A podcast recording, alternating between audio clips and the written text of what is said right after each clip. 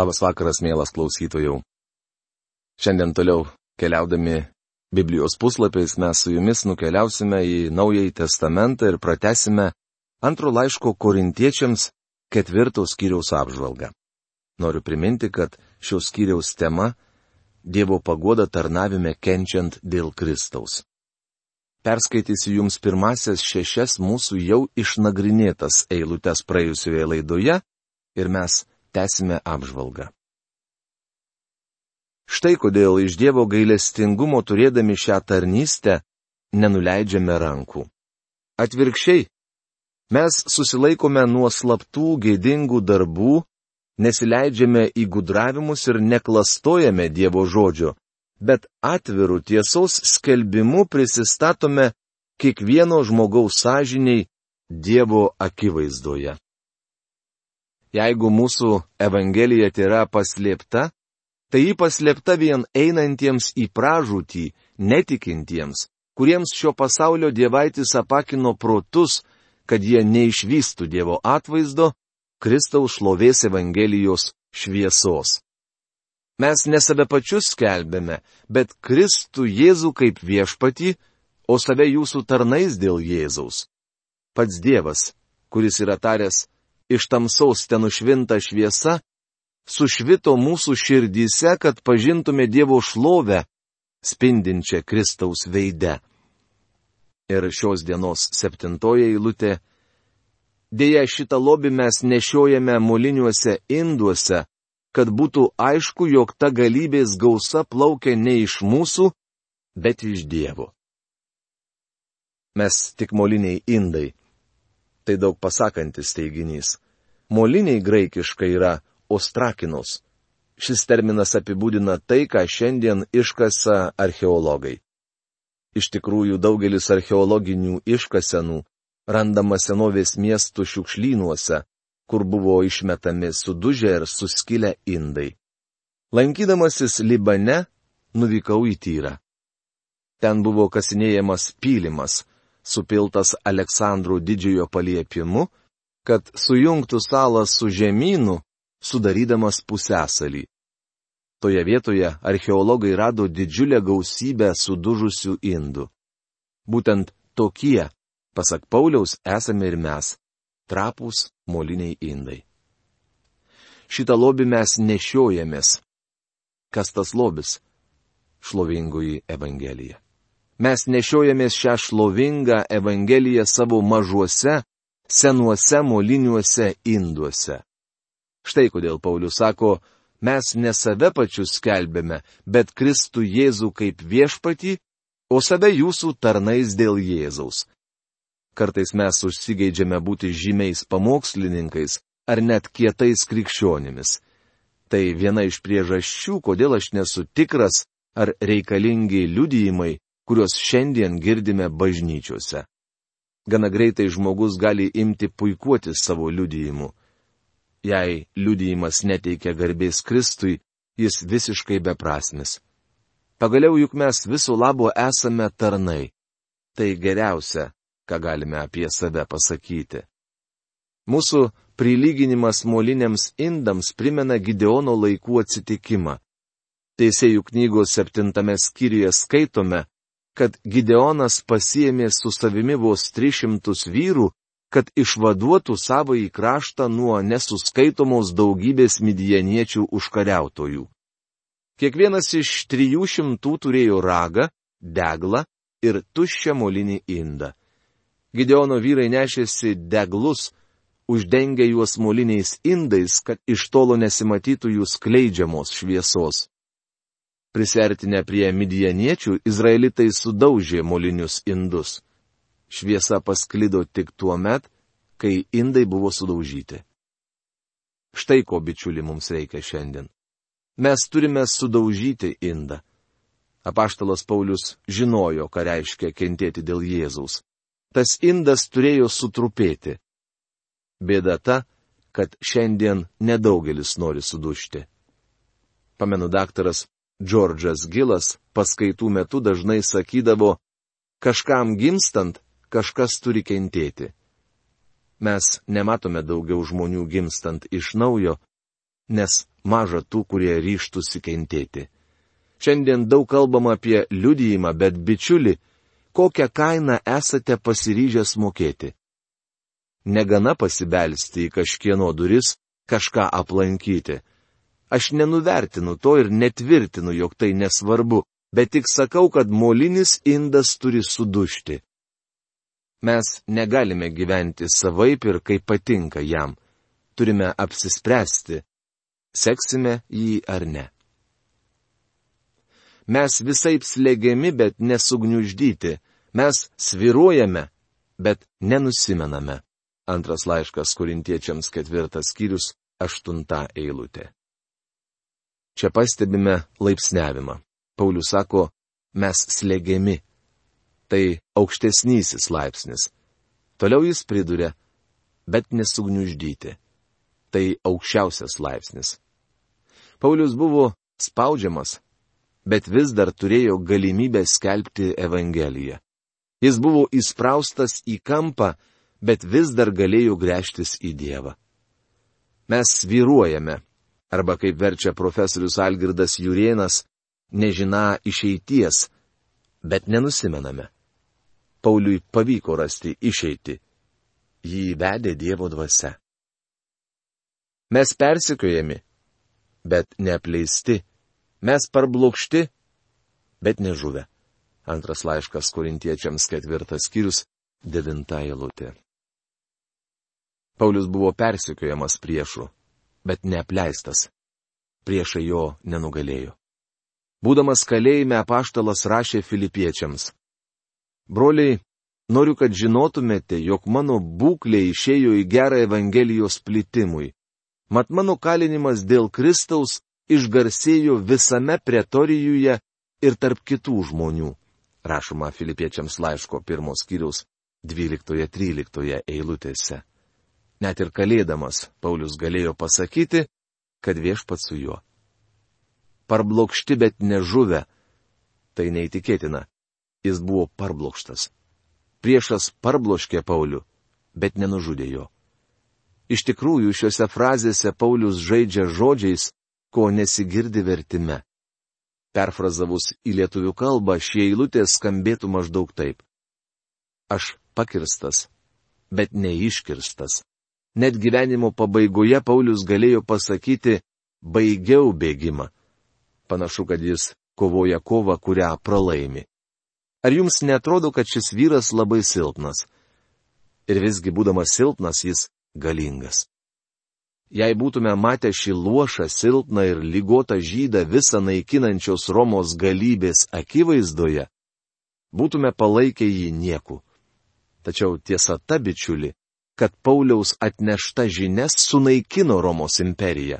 Net istorikas Gibonas yra pasakęs, kad Romos imperija nepajėgė atsilaikyti prieš plintančią Kristaus Evangeliją.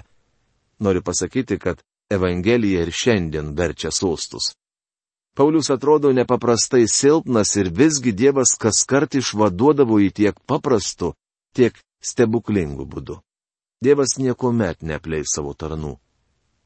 Mes gyvename kompromisų ir savanaudiškumo dienomis, kai žmogus vertinamas pagal tai, kiek jis populiarus ar kiek turi draugų. Velionis daktaras Bobas Šuleris, tarnavęs pastoriumi Los Andželo centre įsikūrusioje bažnyčioje, sakydavo, apie žmogų aš sprendžiu iš jo priešų. Svarbu pasidaryti tinkamų priešų. Jėzus sakė, kad jei mes mylėsime jį ir juo seksime, pasaulis mūsų nekes. Paulius turėjo teisingus priešus. Esu tikras, kad mano priešai taip pat yra tinkami. Mes visuomet nešiojame savo kūnę Jėzaus merdėjimą, kad ir Jėzaus gyvybė apsireikštų mūsų kūne.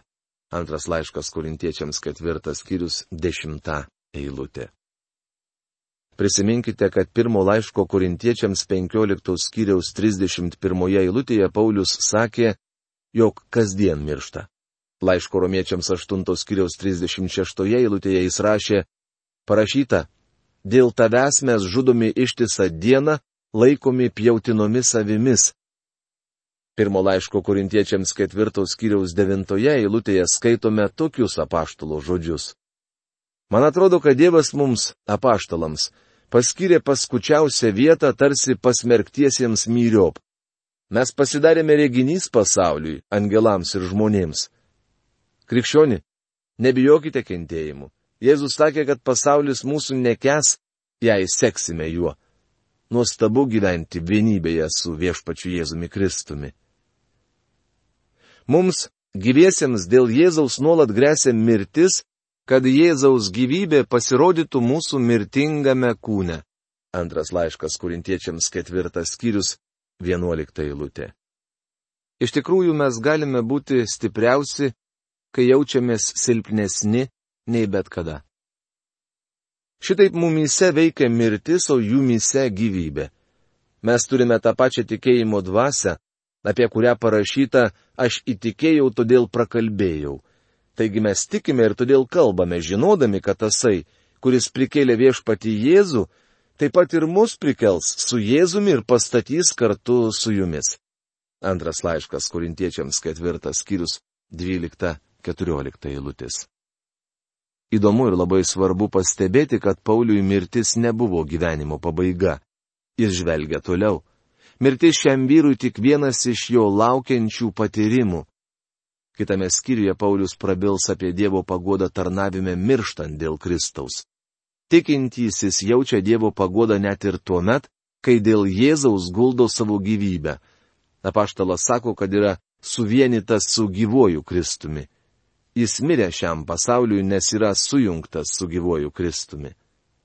Tasai, kuris prikėlė viešpati Jėzų, taip pat ir mus prikels su Jėzumi. O visa tai dėl jūsų, kad malonė apimtų daugelį ir pagausintų dėkojimą Dievo garbiai. Todėl ir nenuleidžiame rankų. Atvirkščiai, jei mūsų išorinis žmogus vis nyksta, tai vidinis diena iš dienos atsinaujina. Antras laiškas kurintiečiams ketvirtas skyrius, 15-16 eilutės. Tai nuostabiai eilutė senstant mūsų kūnas įma nykti, merdėti. Tačiau mes ir toliau augame malonę ir Kristaus pažinimu. Vakar pasakiau savo žmonai, norėčiau būti 35 ir žinoti tiek, kiek žinau dabar. Mano senas kūnas po truputį merdėja. Tai liudyja daugybė požymių. Esu pasirengęs iškeisti jį į naują kūną. Mano kūnas pamažu nyksta, tačiau vidinis žmogus diena iš dienos atsinaujina. Šiandien jaučiuosi esas arčiau viešpaties negu tada, kai pradėjau tarnauti. Anuomet buvau jaunas ir nepaprastai entuziastingas, tačiau labai nedaug tai žinojau. Kaip dažnai suklubdavau ir nusilpdavau. Buvau tikras neišmanėlis. Nūdien žinau kiek daugiau. Per tuos metus mažumėlę paaugau. O lengvas dabartinis mūsų vargas ruošia mums neapsakomą, visą pranokstančią amžinąją garbę.